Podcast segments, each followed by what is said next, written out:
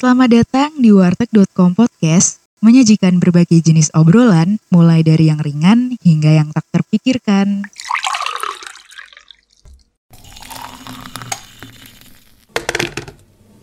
Podcast kali ini ditemenin sama Novel Rido, nih teman gue dari HI. Boleh kenalan dulu, Dok? Halo guys, nama gua Rito. Gua temen sangkatannya Anung gua, kata 18. Domisili Jakarta, sibukan saat ini kuliah. Biasalah, mahasiswa tingkat akhir. Di Sempro, dari lowongan magang, dan segala macamnya lah. Ya, Ngomong-ngomong soal kuliah, lu ini, lu masih aktif di Ekstra, Dok? iya dong, ekstra ini, GMNI.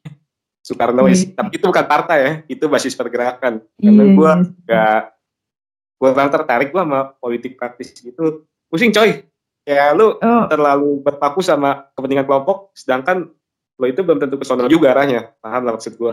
Tapi gua gua pas- paham. pas semenjak di game ini gue jadi ngerasa beda banget lah sama progresnya. Gue salut banget sama kaderisasi GMNI.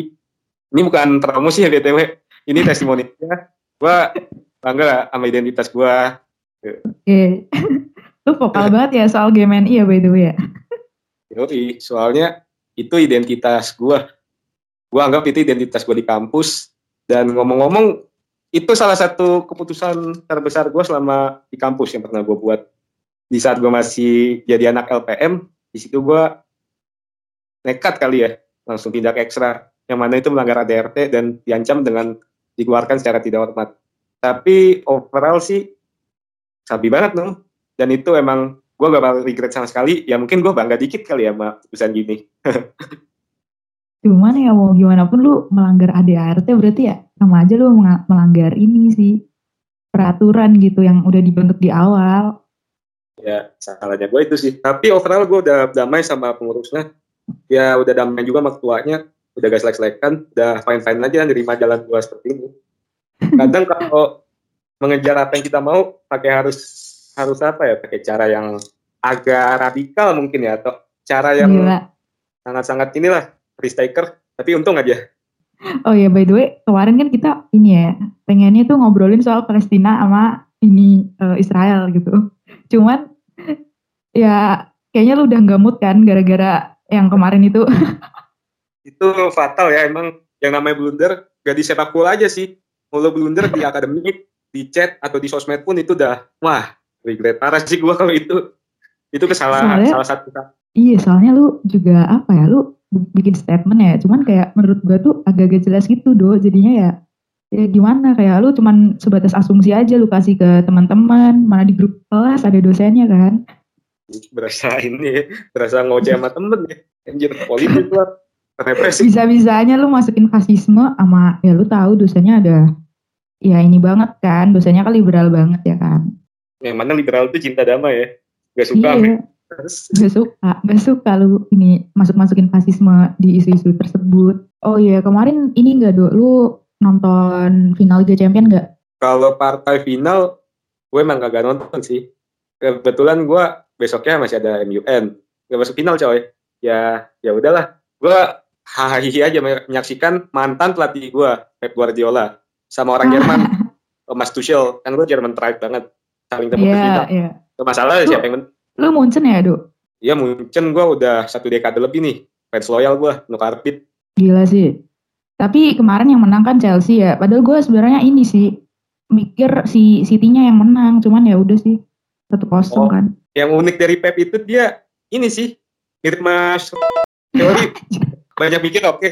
Tapi dengan dia banyak mikir dan banyak berteori seakan-akan dia kayak overthink coy. Takut banget ya alhasil ya dia kayak jalan kan Gundogan Hmm, jadi iya. kayak Fernandinho gak masuk Aguero telat Hmm. tapi yang kasihan debelin loh sampai merah gitu kayak orang kayak bocah monang gitu mau nangis menang.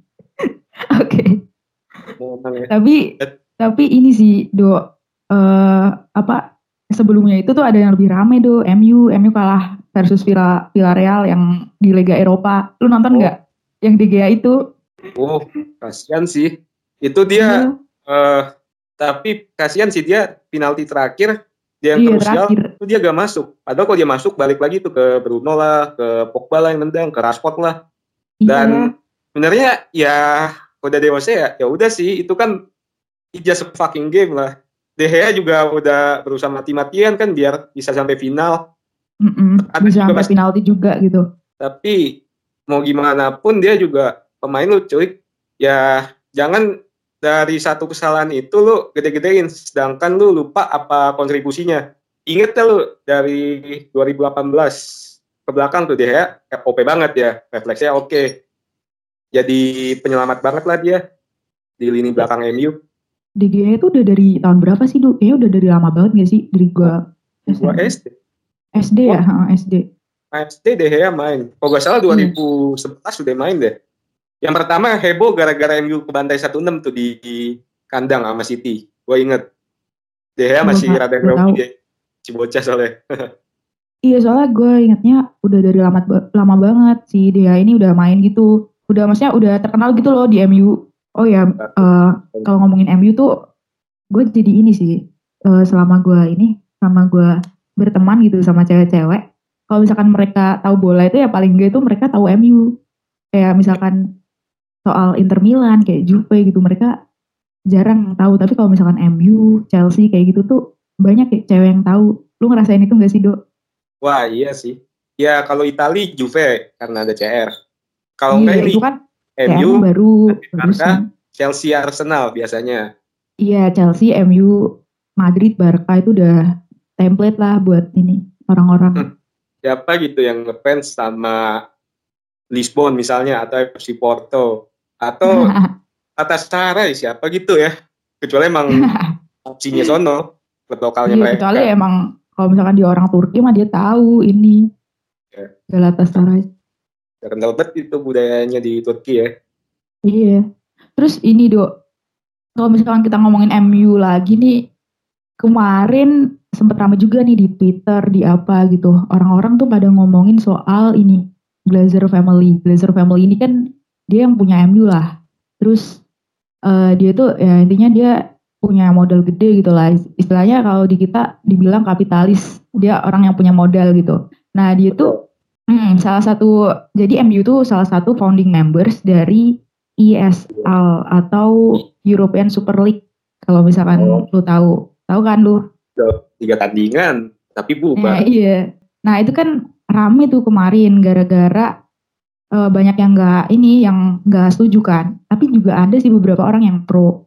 Nah kalau misalkan teman-teman di sini belum tahu tuh sebenarnya ESL itu apa? ESL itu kayak liga tandingannya dari liganya UEFA. Di situ ada 12 founding members ya kalau nggak salah ya. Yoi, yang pasti Iya. including fans bola yang di populer di kalangan cewek kayak Madrid, Barca, Nah kayak ya, Chelsea, Arsenal juga, Spurs. Spurs. Spurs, keren sih. Iya sih? Ayam Apa? ayam jantan ya, ayam jantan Iya, ya. Ayam tiren, nggak tahu lah. muncen. Ayam tiran. ya itu itulah. Pokoknya 12 klub itu terus nanti ada beberapa klub yang kayak istilahnya non permanen gitulah nanti bakal diganti bakal ganti-ganti gitu. Nah, yang pro itu kayak mereka mikir kalau misalkan sepak bola Eropa itu butuh kompetisi yang lebih gede gitu dari Liga Champion katanya gitu. Terus juga UEFA katanya nggak transparan soal duitnya gitu. Maksudnya soal manajemennya lah, nggak tahu gue pokoknya itu.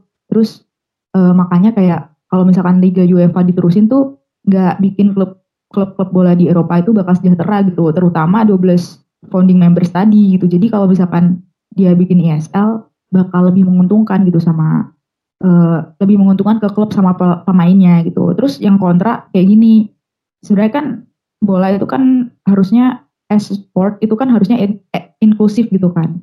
Tapi ini kalau misalkan ESL ini ada tuh malah nggak inklusif gitu loh, jadi lebih eksklusif. Soalnya kan ada 12 founding members yang harus main terus gitu kan. Sedangkan nggak Iya. Kayak drama klub underdog ngalahin klub gede itu bakal bakal ini nggak nggak sering kejadian gitu loh nggak kayak yang di Liga Champion apa gimana gitu do jadinya pada nggak sukanya itu terus Yes. juga kayak dikira sepak bola itu eh, bakal nguntungin para pemilik modal tadi para kapitalis kapitalis bola tadi gitu salah satunya ya Glazer family tadi Yes, yes. Tapi gue juga agak setuju sih sebenarnya. Soalnya yang pertama bocahnya main itu itu doang. Terus siapa sih paling undangan? Dan yang kedua bicara soal budaya sepak bola, ya sepak bola itu pasti ada cerita di mana underdog itu berkuasa. Misalnya nih, Leicester juara Piala FA lawan Chelsea. Ya keren sih, biarpun pada akhirnya Leicester kejungkal juga kan lucu gak lolos UCL. Tapi udah worth it sih sama Piala FA. Dan yang kedua, ya mungkin kita gak bakal bisa nyaksin tim-tim underdog kayak FC Porto lawan AS Monaco finalnya. Atau Iya, enggak, heeh. Ajax Amsterdam. Itu sebuah keajaiban Cinderella banget ya istilahnya. Iya, eh, tapi tapi gue suka ini, gue suka Ajax. Oke, Bagus. Karena Donny van de Beek ya. Iya dulu. Sama ini bicara soal nguntungin pemodal, ya wajar sih. Orang pengen kerja, pengen cari untung sebanyak-banyaknya. Tapi di sisi lain, ya agak gak kurang gak sih nung? Gak make sense kayak ini penonton kan nggak familiar gitu. Iya Dengan- bener. Yang formatnya beda. Dan yang kedua, itu kan kita yang namanya kompetisi gak bisa liga terus-terusan dong. Gak bisa gitu-gitu aja. Kita juga butuh tim lain dengan latar belakang yang unik misalkan. Atau latar belakang tidak diunggulkan melangkah jauh. Di situ gue agak mungkin gak lihat ya tim-tim yang underdog itu diundang. Bener kata lo itu eksklusif sih. Seakan-akan Iyalah. kayak tim besar yang gak lolos UCL kayak Arsenal, kayak Spurs itu udah bete kali ya di liga pengen minggat aja kali ke liga tandingan Soalnya Salah. dia juga apa ya udah punya nama gitu loh do. Dan juga pemainnya juga udah bagus-bagus gitu loh. Terus juga lu tahu kan siapa presiden-presiden mereka gitu kan kayak di Madrid tuh kemarin Florentino Perez kan kemarin sering eh sering agak ini kan di kambing hitamkan kan sama orang yang kontra sama ESL ini. ya dia bete ya. Yang gue lihat itu pertarungan antara kapitalis A dengan kapitalis B. Mereka bilangnya ini pengen gembosin UEFA mungkin ya. Karena UEFA itu korup yang kedua minim inovasi yang menguntungkan tim besar gitu. Kayak format UCL-nya udah dinilai bosen lah gitu-gitu aja. Kurang gitu duitnya. Pemain capek tapi duitnya nggak banyak-banyak amat. Itu mungkin gue setuju. Tapi dengan adanya ISL apakah keketatan kompetisi itu tetap jalan ya? Kalau gitu ya sama-sama aja bohong dong. Pemain seperti dikasih jadwal yang ketat kompetisi yang padat dengan harapan pemiliknya itu dapat uang banyak. Ya mungkin kalau lu lihat sisi ekonomi atau sisi bisnis itu masuk. Tapi kalau di sisi kacamata pencinta sepak bola ah kurang lah. Gak make sense. Soalnya Iya. ya gitulah. Mau pemain atau pelatih sekaliber pun itu juga kelas pekerja tuh. Ingat deh kata Mas Satya? Yang Gimana namanya gimana? kelas pekerja ngomongin soal hari buruh nih atau misal menipus yang namanya Mhm. kelas pekerja sekelas Frank Lampard Hakim Ziyech Kai Havertz sama Timo Werner pun juga kelas pekerja kapitalisnya siapa ya pemilik klub si Roman Abramovich Ya, mm, Eh, make work- sense sih. Iya itu. Iya pokoknya ya sebenarnya kalau misalkan ke kita udah ngomong ke kelas pekerja tuh emang sepak bola tuh di awalnya ya pas masa-masa apa sih kalau di- dilihat dari sejarahnya dari masa zaman revolusi industri Inggris dulu itu tuh emang sepak bola itu nggak jauh-jauh dari ini hiburannya kaum buruh dari zaman dulu gitu. Hmm. Kayak gue pernah baca juga sih mereka kaum buruh itu dikasih hadiah gitu loh hadiah buat liburan gitu juga. Kayak tiket nonton bola ke stadion kayak gitu-gitu tapi nggak tahu sih gue cara pastinya. Cuman ada juga sih kayak pemain bola yang lumayan terkenal Eh, dia tuh berawalnya dari ini dari profesi buruh itu. Kayak paling terkenal ini lu tahu nggak si Jamie Vardy di Chester City dia nyambi ini ya kerja sampingan di pabrik pas dia masih di divisi 5 iya pas apa ya divisi 5 tuh klubnya gue lupa sih apa pokoknya iya sih. Wednesday- bukan bukan apa ya ada Wednesday-nya eh gue lupa. Ya pokoknya itu dah. Terus Zaman sekarang sekarang dia udah ini udah lumayan lah. Masuk di Leicester Leicester City tuh Leicester. tahun 2012 ya dia ya 2012 sempet Gua bareng juga SMP tuh kayak sama Cambiaso awal-awal gue SMP. Iya Yang awal kita SMP. Lu inget gak promosi dari Champions ke IPL yang playoff? Yang drama itu loh yang Leicester lawan Watford. Leicester final 3 masuk kena counter attack Watford. Watford nyekor Leicester gagal di kandangnya. Wah, itu ikonik banget. Rame dah Lupa kalau lu deh. lihat. Gue suka nonton. deh tapi berapaan tuh? 2012-13. Itu gue mah baru ini update banget bola tuh 2014 do pas apa ya. FIFA iya Piala Dunia itu gue seneng banget tuh dari situ mulai seneng update bola Oh, I see. ya Tapi itu kisah Jamie Vardy dengan Leicester-nya itu bisa jadi inspirasi. Kayak suksesan butuh proses, butuh kerja keras, sama butuh waktu juga, setuju. Tapi gak ada waktu telat buat sukses ya. Kayak Vardy mungkin bisa sukses pas dia udah umur 29 ya. Pas Leicester juara Liga Inggris. Hmm. Eh, tapi di situ dia makin tua, makin gacor coy. Makin matang dia. Kayak gue lihat tuh orang Eropa tuh kalau misalkan dia pengen jadi pemain bola tuh ya dia udah dari kecil gitu kayak udah diasah gitu loh sedangkan gue lihat orang Indonesia dia main bola aja kadang dia start baru SMA baru umur berapa gitu loh jadi kayak lebih gimana ya lebih prepare si orang-orang Eropa gitu loh lu lihat gitu gak sih liatnya kalau gue lihat sistemnya beda sih. Ya even orang Indonesia yang main dari kecil pun dia kurang dapat fasilitas yang baik dengan sistem kompetisi yang selevelnya dengan Ero- Eropa. Jadi ya mungkin saya bilang bakat, bakatnya tuh Indonesia gue yakin gak kaleng-kaleng juga bakatnya bisa bersaing dengan Eropa lah atau bisa punya suara juga lah di Asia bisa ada prestasinya. Tapi ketika mereka udah masuk usia produktif dalam artian udah kontrak profesional kenapa skillnya mantap untuk di situ aja ya? Di situ gue mungkin bisa melihat ya yang pertama dari salah dari sistem Indonesia sama yang kedua pola latihan atau fasilitasnya atau infrastrukturnya kurang sama mungkin budaya kedisiplinannya beda ya sama etos kerjanya kalau sama Eropa tiga hal itu Iya, harus tapi lebih ke fasilitas sih dulu menurut gue yang kurang kayak liga Shopee ya, liga dagelan mungkin orang netizen kompetisi doang. Tapi perkembangannya susah, sistemnya juga gitu. Banyak mafia Hmm. lagi. Wah, kalau ngomongin bola, kalau mafia tuh banyak, apalagi mafia yang skor-skor gitu, Do. Iya sih. Iya Di kan? juga ada. Juve juga pernah kena tuh degradasi. Juve, tahun berapa?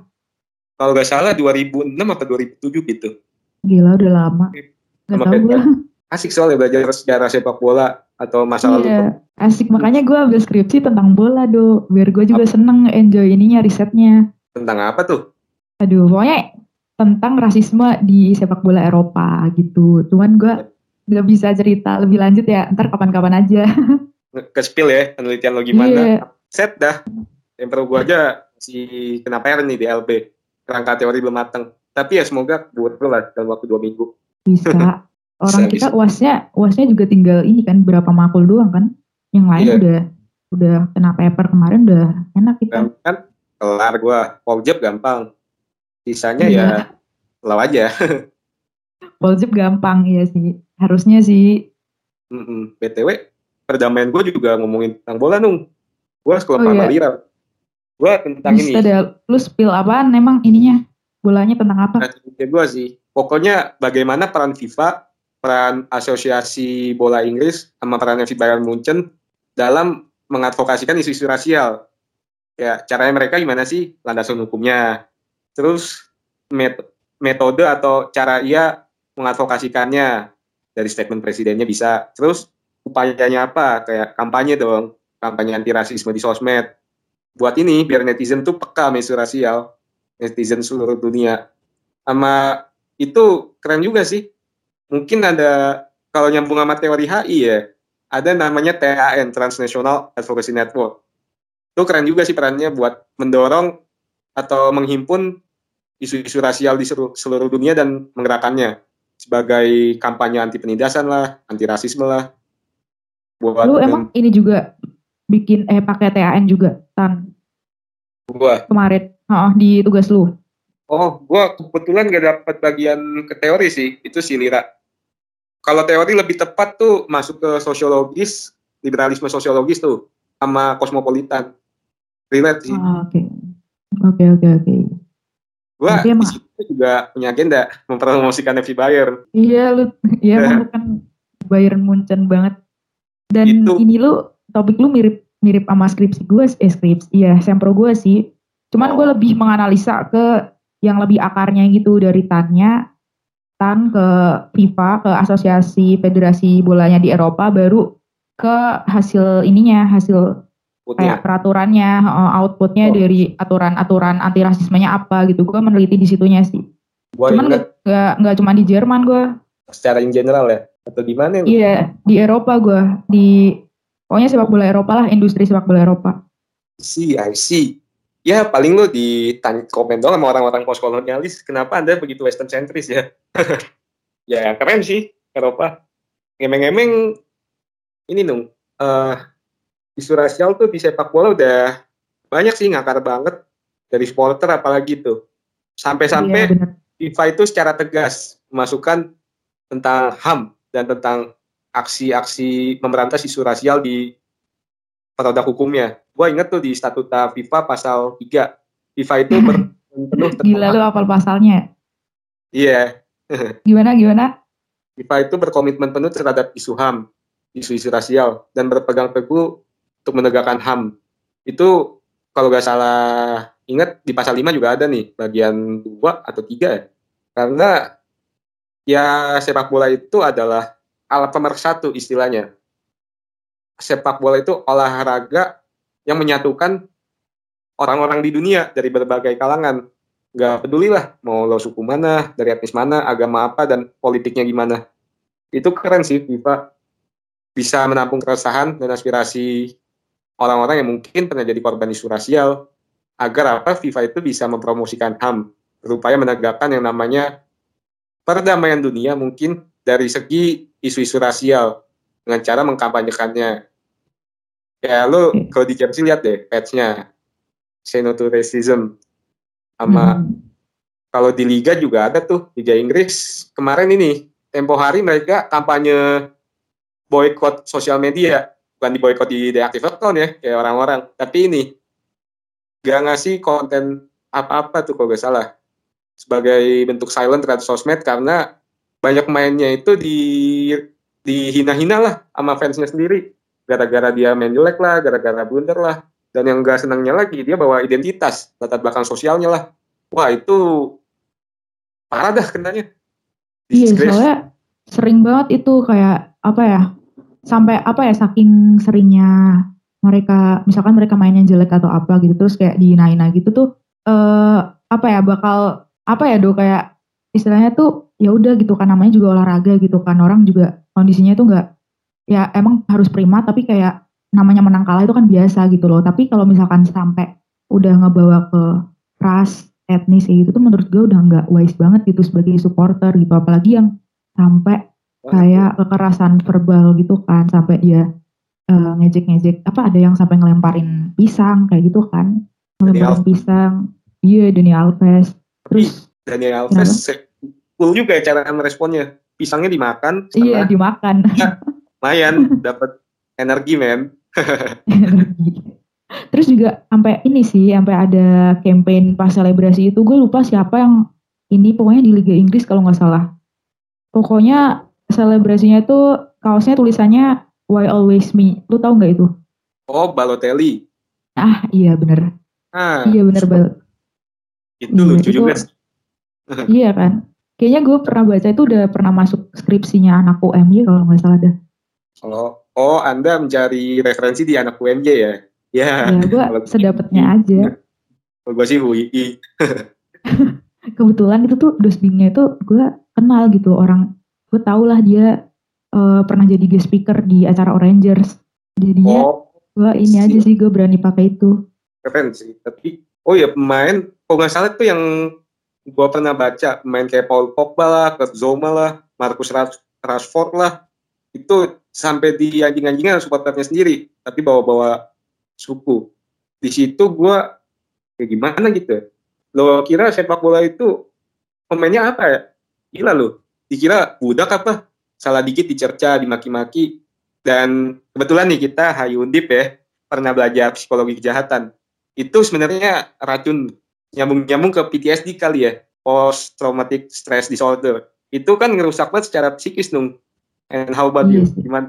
Kalau misalkan gue ngomongin ke PTSD sih, gue belum tahu sih emang apakah ada korelasi sebenarnya tentang PTSD ke uh, ke apa ya ke mentalnya pemain sepak bola ini atau enggak soalnya setahu gue tuh kalau misalkan kita ngomongin PTSD harus ke apa ya dia trauma dengan kekerasan yang kayaknya sih parah banget gitu loh do kayak misalkan tentara mantan kombatan gitu setahu gue tapi kalau misalkan di bola kan biasanya kekerasannya ini kan apa sih ya? dari verbal lah. Jadi gue belum tahu sih dan nggak bisa memutuskan itu bikin PT, PTSD atau enggak. Gue takut salah aja sih.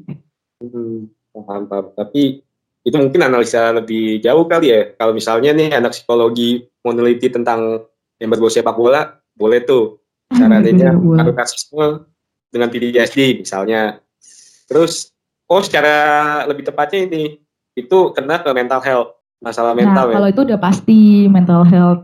Kalau dari mental sendiri udah kena mau sehebat apa pun gak bakal perform masih gak bakal perform mainnya. Iya apalagi ini do kalau misalkan lu main bola apa futsal gitu misalkan lu dapet penalti gitu kan mental lu yang harus ini kan yang harus disiapin banget kan ya maksudnya kalau penalti kan ya mau sedekat apa pun ya jaraknya tendangan yang kita ke bola. Tapi kan kalau misalkan mental kita yang kena kayak Grogi. apa ya nggak bisa fokus aja gitu loh yang awalnya emang kita bisa. Kayaknya kita ngelihat aja bisa gitu buat ngegolin. Tapi kalau udah mentalnya kena tuh agak susah menurut gua. Oh iya sih. Tapi kalau nendang penalti yang pertama tuh pede dulu sih. Soalnya hmm. banyak pemain yang gak masuk di saat krusial kayak misalnya John Terry 2008 ke ke Pleset terus pemain favorit gua nih si Schweinsteiger hmm. pas Chelsea penaltinya nggak masuk kena tiang karena dia grogi. Nah itu hal-hal yang itu. memungkinkan terjadi kalau misalkan grogi sih. Eh tapi oh. ini uh, siapa ya pemain Brazil yang pernah kena rasisme? Neymar. Siapa? Dani Alves. Iya selain itu ada lagi nggak ya? Gue suka Neymar. banget soalnya dulu ini Brazil timnas Brazil. Maicon sama Robinho. Hmm. Gue ada lupa sih Brazil antara empat nama itu tadi deh yang pernah kena kasus yang pernah korban rasis sehingga gue ada empat nama itu tadi. Hmm, ya. Tapi kalau misalkan apa ya kita kita lihat orang-orang gitu ya kita katakanlah kita buka Twitter aja gitu banyak orang yang skeptis gitu sama perannya FIFA buat memberantasi anti rasisme ini gitu buat buat memberantas rasisme ini gitu kayak gimana ya kayak kurang aja gitu loh upaya-upayanya FIFA gitu. Tapi kalau menurut lu gimana, Dok? Gua juga belum bisa nyimpulin sekarang ya, FIFA itu efektif apa enggak sih? Tapi ini menarik untuk dibahas, Nung. Kalau soal rasis, menurut gua FIFA udah cukup sih, udah cukup niat gitu istilahnya. Sampai statutanya masukin, FIFA itu komitmen terhadap HAM. Sampai di patch-nya, tulis say no to racism. Sampai ini, seorang pemain atau seorang pelatih itu bisa didenda dengan bisa disanksi dengan hukuman berat apabila dia menjadi pelaku rasisme. Nah, yang masalahnya itu nung di supporternya nung. Masalahnya hmm. gini, supporter kalau udah ngerasis paling ya kalau dulu seinget gue cuma di band doang, gak boleh nonton tim kesayangannya main selama beberapa tahun gitu atau uh, di yeah. band. Soalnya akar masalah dari rasisme itu ada dari masyarakatnya itu sendiri sih nung. Kayak FIFA tuh iya, cuma tapi tapi juga enggak enggak cuma di masyarakat itu sendiri sih do kalau menurut gue sih kalau misalkan kita melihat secara umum ya secara sis, apa secara struktural juga ada gitu rasisme itu. Secara struktural tuh kayak ini gak sih di kayak FIFA, dari FIFA-nya sendiri gitu. Secara keorganisasian. Misalnya di yeah. UEFA itu gue pernah baca nih itu gue tulis juga di paper perang gue eh perang perdamaian kalau di UEFA atau UEFA itu kurang menghimpun orang-orang non white maaf nih ya orang-orang non white itu gak banyak yang jadi komite atau jadi anggota. Sehingga ya mungkin dirasa tuh aspirasi kurang ngena kurang keserap gitu. Didominasi masih condong white centris misalnya ya atau western centris padahal kalau emang organisasinya itu inklusif kenapa gak dicoba menghimpun orang dengan latar belakang kulit yang berbeda atau agama yang berbeda itu kan sebenarnya make sense sih. Barangkali mereka itu jadi solusi atau bisa menjadi apa pion gitu ya. Jadi punya peran yang signifikan buat menanggulangi rasisme. Iya, cuman gimana ya? Gue juga kurang tahu pasti itu emang karena yang menguasai orang white white people-nya atau memang nggak ada non white people yang mau berkontribusi gitu di, di FIFA gitu. Soalnya kalau misalkan emang apa ya emang selama ini non white people-nya itu jarang yang berkontribusi di FIFA ya menurut gue sih sekedar ngasih apa ya ngasih kursi gitu loh kursi khusus buat orang yang non white people gitu. Tapi kalau misalkan kita ngasih kayak kursi khusus gitu gue takutnya juga dikira rasis gitu loh. Ya nggak sih? Kayak kita mengkhususkan ras tertentu gitu. Oh, soalnya gue bingung. Seakan-akan oh. kayak kelihatan oh. banget gitu loh. Ya tau maksud lo bisa jadi blunder juga ya. Muncul ketimpangan baru gitu ya. Atau mungkin UEFA-nya sendiri yang dijelek-jelekin oleh netizen. Niatnya baik tapi kalau outputnya gak tercapai ya paling dinilai cuma ah FIFA gak kayak nih. Ah FIFA cari atensi doang nih. Ah kampanye mulu FIFA. Tapi gue setuju sama lu tapi di sisi lain akar masalahnya itu dari supporternya sendiri nung dan gue rasa itu sulit banget sih buat menghapus yang namanya rasisme dari sepak bola pokoknya rasisme itu ya dianalogin kayak virus kali ya virus yang gak pernah hilang dan peran kita di sini kalau nggak mengatasi ya mencegahnya. Kata Immanuel Kant ya. bahwasannya damaian abadi akan tercipta apabila semua orang itu egaliter. Apabila kesetaraan itu ada, kesetaraan sosial. Eh. Lu bawa-bawa Immanuel Kant juga ya, Dok. Tapi kalau misalkan ngomong dari supporternya ya, Dok, itu tuh sebenarnya kalau di Eropa sendiri tuh ada, Dok, namanya VARE Football Against Racism in Europe kalau nggak salah itu kepanjangannya.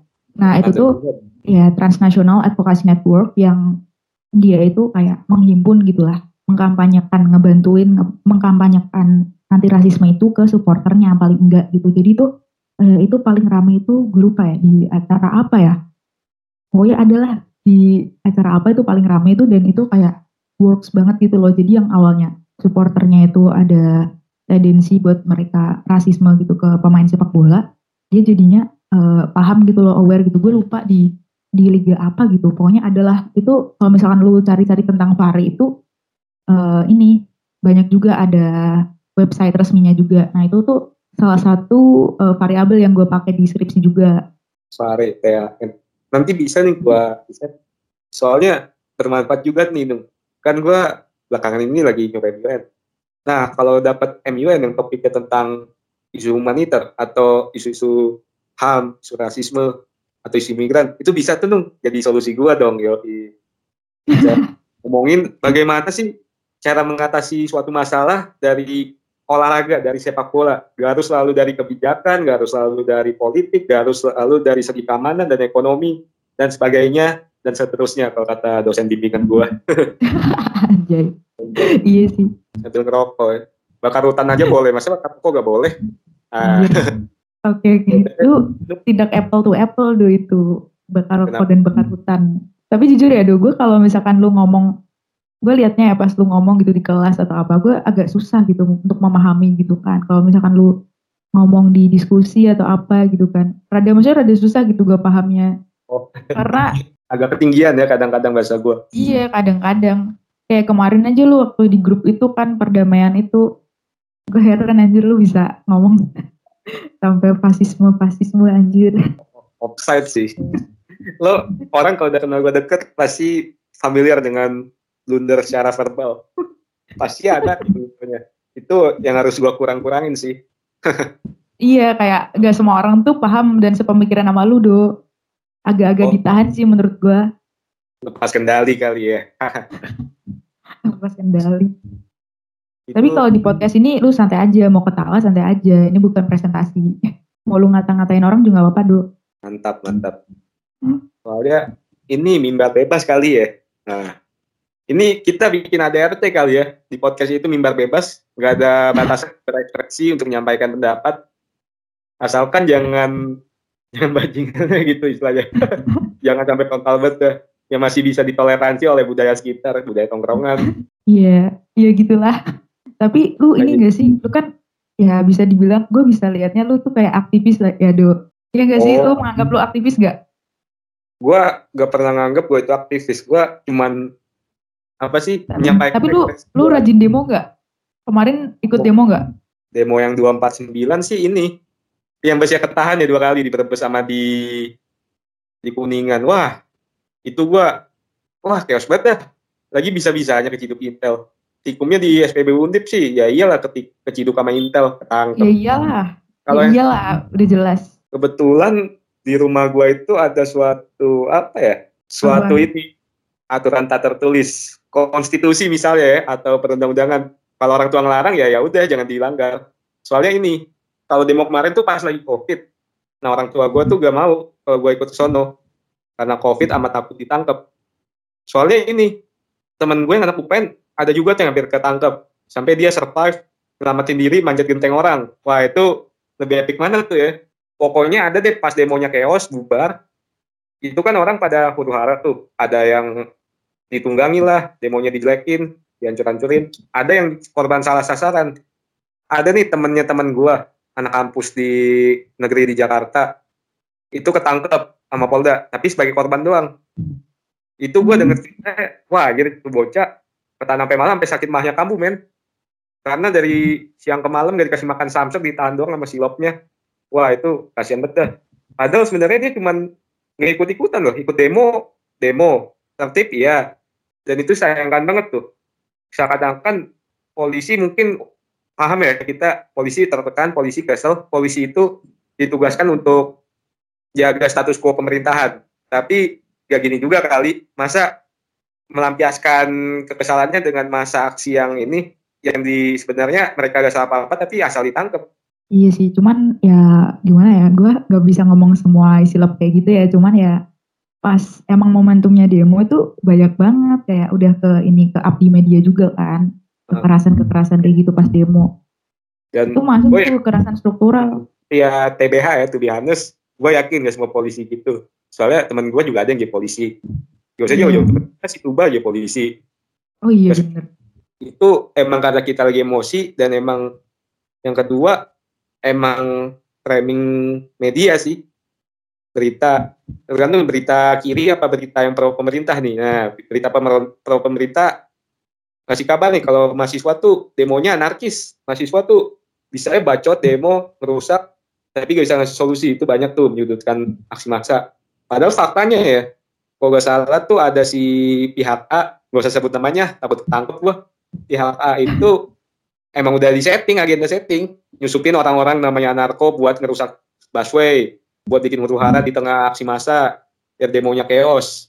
Akhirnya udah saling baku hantam tuh polisi sama mahasiswa. Sama yang kedua media kiri juga ini sih memancing emosi kelompok penduk- kelompok-kelompok kiri atau kelompok ini pro sama aksi massa. Karena kan polisinya itu jahat polisinya itu beringas polisinya itu represif polisi itu fasis. Sebenarnya pro kontra sih sama banyak rumit itu. Gak bisa ditinjau dari satu sudut pandang aja Iya sih, tapi yang bagus ya kita jangan ikut-ikutan buat memperkeruh aja sih menurut gua.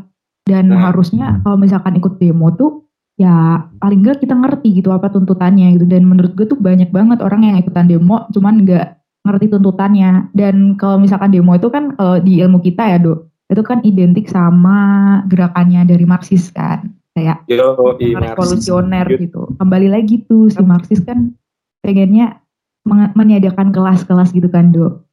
kita gak ada kelas online semua Ya, anjir. ya online juga kelas tahu. buyutnya siapa tuh Ya, menyediakan kelas-kelas. Ya menurut lu di sepak bola ada nggak kelas-kelas gitu? kelas sosial apa identitas sosial nih nah Ya, Sabep, lu ini liatnya kelas apa gitu? kalau gue jelasin kayak yang udah gue omongin tadi nih mengutip dari Mas Satya kalau pelatih dan pemain bola itu juga maksudnya working class kayak Frank Lampard. Frank Lampard itu kelas sosialnya ya kelas pekerja worker atau working class. Tapi identitas sosialnya mungkin bisa dibilang orang yang mapan ya di Inggris ya. Orang-orang high class. Nah Hmm. lain halnya dengan si B misalnya si B itu mungkin statusnya cuma karyawan karyawan pabrik kelas pekerja. Tapi identitasnya dia bangsa apa sih darah biru misalnya atau keturunan kerajaan ini identitasnya udah mungkin bisa dinilai tinggi ya bagi orang yang paham tentang kebudayaan atau tentang atau tentang sejarah sejarah Iya. kerajaan pop banget ya kenanya tribal tribal Tapi banget. kalau misalkan kita ngomongin soal apa ya kelas-kelas tadi kan yang paling terkenal kan kelas pemilik modal sama kelas buruh gitu.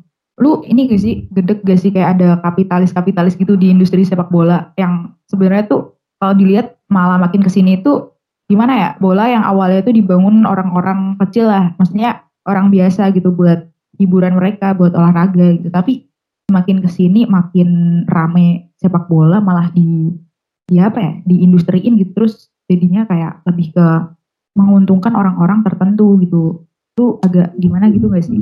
Setuju sih gue. Soalnya, hmm, gimana ya? Boleh ada kapitalis buat modal ya. Gak ada duit, ya bola gak jalan.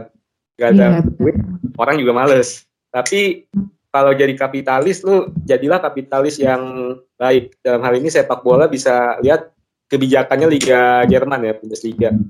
Kalau itu kebijakannya yang 51 ya. Pokoknya gak boleh ada investor asing atau secara singkatnya pemilik modal yang wewenangnya itu mutlak. Karena di Jerman sendiri itu kental banget dengan budaya, nggak ada yang lebih besar daripada klub. Dan klub itu ada juga beberapa klub yang sahamnya itu dimiliki oleh supporter, buat supporter. Jadi bagus sih kayak. Gak ada orang asing sama sekali yang punya saham klub bola di Jerman. Iya, khusus Jerman bukan Jerman sih ya tapi itu bagus biar ini kayak investor dari Arab tuh yang minyak oil football oil klasiko lah oil money lah itu menguasai liga Jerman. Dan budaya Jerman itu bukan bukan berarti bisa seenaknya beli pemain. Ada kebijakan finansialnya dan kalau contoh Bayern Munchen ya kalau beli pemain itu harus sesuai tanda tangan atau beberapa kesepakatan petinggi klub. Jadi pemilik itu gak punya wewenang mutlak buat tentuin ini mau beli apa, ini belanjanya berapa. Ya mungkin bisa bilang kolektif kolegial lah, kesepakatan bersama. CEO-nya sendiri pun bukan orang kapitalis kayak Roman Abramovich, kayak Sheikh Mansur lah. CEO Munchen itu Rummenigge, legenda bolanya. Habis itu musim depan juga diganti sama Oliver Kahn. Emang orang yang udah kenal atau emang jadi icon dari klubnya itu, legenda klubnya. Itu apresiasi sih. Bisa menjadi kapitalis yang baik dengan jadi kapitalis yang mempertahankan tradisi sepak bolanya. Suka dengan oil money. Soalnya dengan oil money itu apa ya? Kekuasaan bisa beli dengan uang. Tapi uang itu nggak bisa membeli kejayaan, nggak bisa beli gelar. Kayak gitu. Iya, tapi uang bisa buat bayar mafia, buat ini atur skor.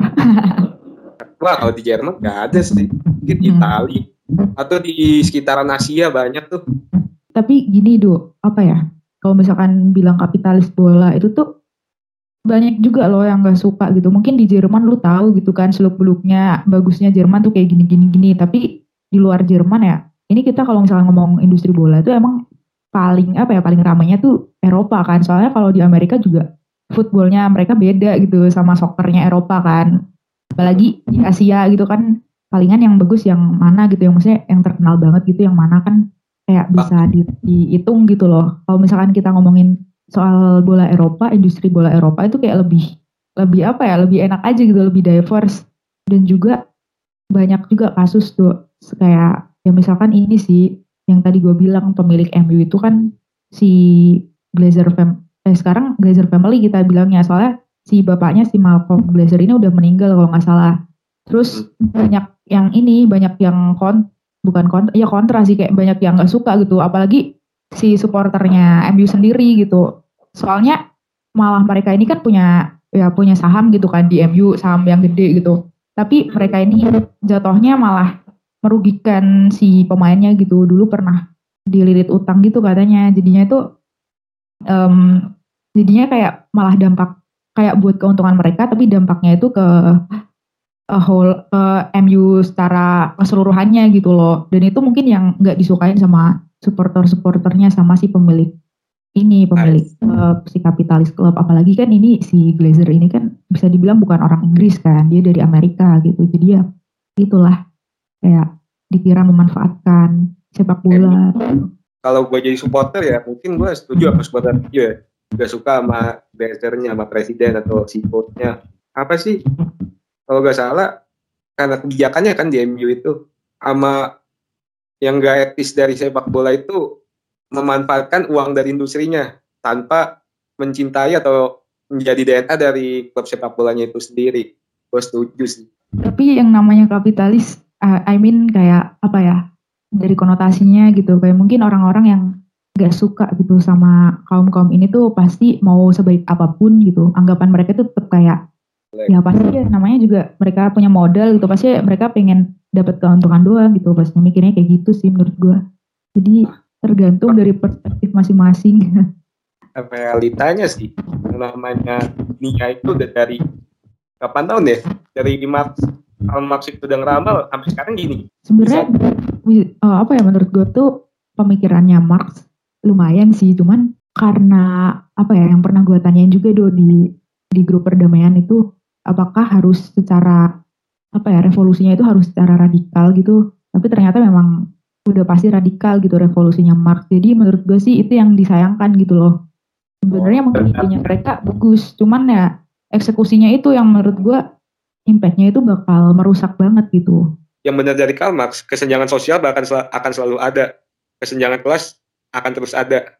Hmm, iya sih. Ini kita makin malam makin ini ya malah ngomongin sampai Karl Marx ini by the way kita tapping jam berapa ini jam 12-an lebih ya. Pas 8 kalau di gua. Kita kalau misalkan nongkrong makin malam tuh makin ada-ada aja ininya omongannya. Setelahnya makin ya. makin ke arah yang aneh gitu. Real story ya. Udah deh dok, kayaknya itu itu udah cukup sih obrolan kita hari ini. Ih, dari soalnya kalau makin malam ya. diskusi, kenanya kayak rapat TKI gak sih? rapat kudeta perintah? Kita juga juga cuman apa ya ngobrol aja sih ngobrol santai. Apa yang kita tahu tentang sepak bola tentang peran kapitalis sama buruh di sepak bola terus juga apa tadi rasisme dan lain-lain gitu. Iya lumayan nih kita. Anak HI emang ini ya punya globally banget. Think globally act locally yoi. Yep. Iya aslinya kita juga awalnya nih mau tag podcast sama Iza ya do ya. Cuman dia tuh slow respon banget akhir-akhir ini kayaknya di WhatsApp. Ya di sospol di kabit, sospol iya. divisi. Ini jadi wakomit ya, prestasi lagi sibuk parah, sibuk parah dia. Makanya itulah. Hmm. Oke, see you on the next podcast ya. Tapi yeah. penting. Kata closing nih biar kita pejabat atau ketua ya. Oke. Okay. Sing dari gua ya. Oke, okay cukup sekian diskusi tentang sepak bola pada malam hari ini.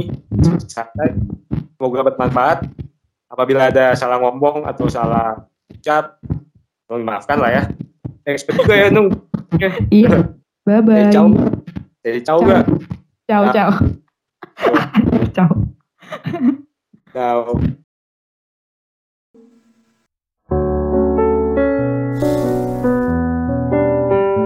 you.